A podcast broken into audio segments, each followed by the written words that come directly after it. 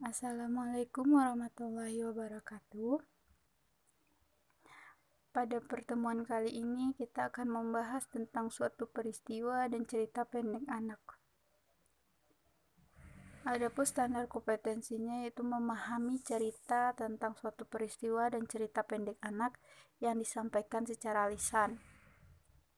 Kompetensi dasar mengomentari persoalan faktual disertai alasan yang mendukung dengan memperhatikan pilihan kata dan santun berbahasa.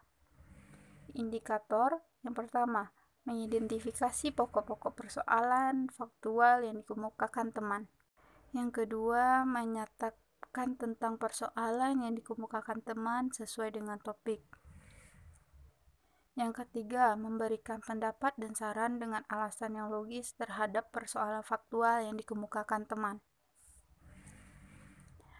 Tujuan pembelajarannya yang pertama, setelah mendengarkan penjelasan dari guru tentang pengertian persoalan faktual dan pengertian berita, siswa dapat mengungkapkan kembali pengertian persoalan faktual dan pengertian berita.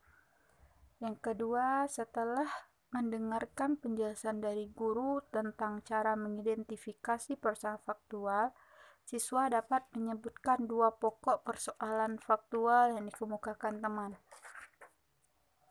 Yang ketiga, setelah mendengarkan penjelasan dari guru tentang pengertian topik dan cara menentukan topik pada persoalan faktual, siswa dapat mengungkapkan topik persoalan faktual yang dikemukakan teman.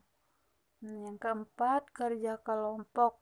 Siswa dapat memberikan pendapat dan saran pada persoalan faktual yang diberikan oleh guru. Masuk ke materi pembelajarannya. Persoalan faktual.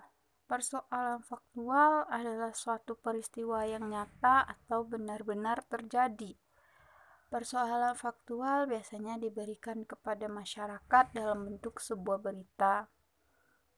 Nah, berita sendiri berasal dari bahasa Sanskerta, itu Frit, yang dalam bahasa Inggris disebut right, yang arti artinya adalah ada atau terjadi.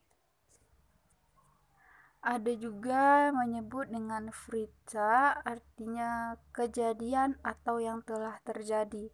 Itu menurut Chris tahun 2009. Di dalam Kamus Lengkap Bahasa Indonesia Modern, ahli berpendapat berita adalah memberitahu. Sedangkan menurut Isnaini tahun 2011, Berita adalah informasi aktual tentang fakta yang dibutuhkan dan menarik perhatian orang. Berita adalah informasi yang memiliki nilai kebenaran dan azas manfaat. Menurut Dean M. Lyle Spencer, berita adalah suatu kenyataan atau ide yang benar yang dapat menarik perhatian sebagian dari pembaca. Jenis-jenis berita. Jenis berita terdiri dari lima. Yang pertama, berita langsung. Berita langsung atau apa adanya, ditulis secara singkat dan lugas. Sebagian besar halaman surat kabar berisi berita jenis ini. Jenis berita straight news dipilih lagi menjadi dua macam. Yang pertama hard news dan yang kedua soft news. Hard news sendiri adalah berita yang mempunyai nilai lebih dari segi aktualitas dan kepentingan untuk segera diketahui oleh pembaca. Berita ini beri, berisi berita khusus atau special event yang telah terjadi tiba-tiba yaitu kedua soft news adalah berita yang nilai beritanya di bawah hard news dan merupakan berita pendukung. Jenis berita yang kedua yaitu berita dalam atau deep news. Berita mendalam dikembangkan dengan pengalaman hal-hal yang ada di bawah suatu permukaan. Yang ketiga itu berita investigasi atau investigation news berita yang dikembangkan berdasarkan penelitian atau penyelidikan dari berbagai sumber. Yang keempat, interpretasi atau interpretatif news. Berita yang dikembangkan dengan pendapat atau penelitian penulis atau reporter.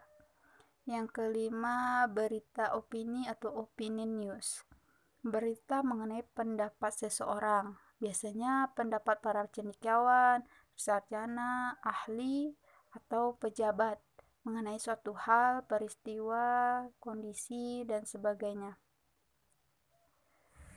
Nah, bagian masuk kita masuk ke bagian-bagian dalam berita.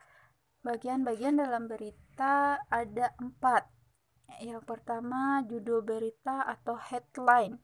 Biasa biasa disebut judul, sering juga dilengkapi dengan anak judul atau anak judul.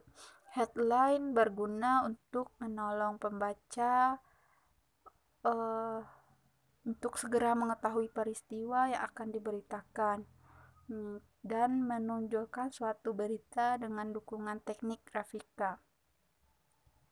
Nah, yang kedua berita terkini atau deadline uh, deadline terdiri dari terdiri atas nama media massa, tempat kejadian, tanggal kejadian. Tujuannya pun adalah untuk menunjukkan tempat kejadian dan inisial media. Yang ketiga atau teras berita atau lead. Lead atau teras berita ditulis pada paragraf pertama sebuah berita. Lead merupakan unsur yang paling penting dari sebuah berita yang menentukan apakah isi berita akan dibaca atau tidak. Lead adalah gambaran seluruh berita secara singkat.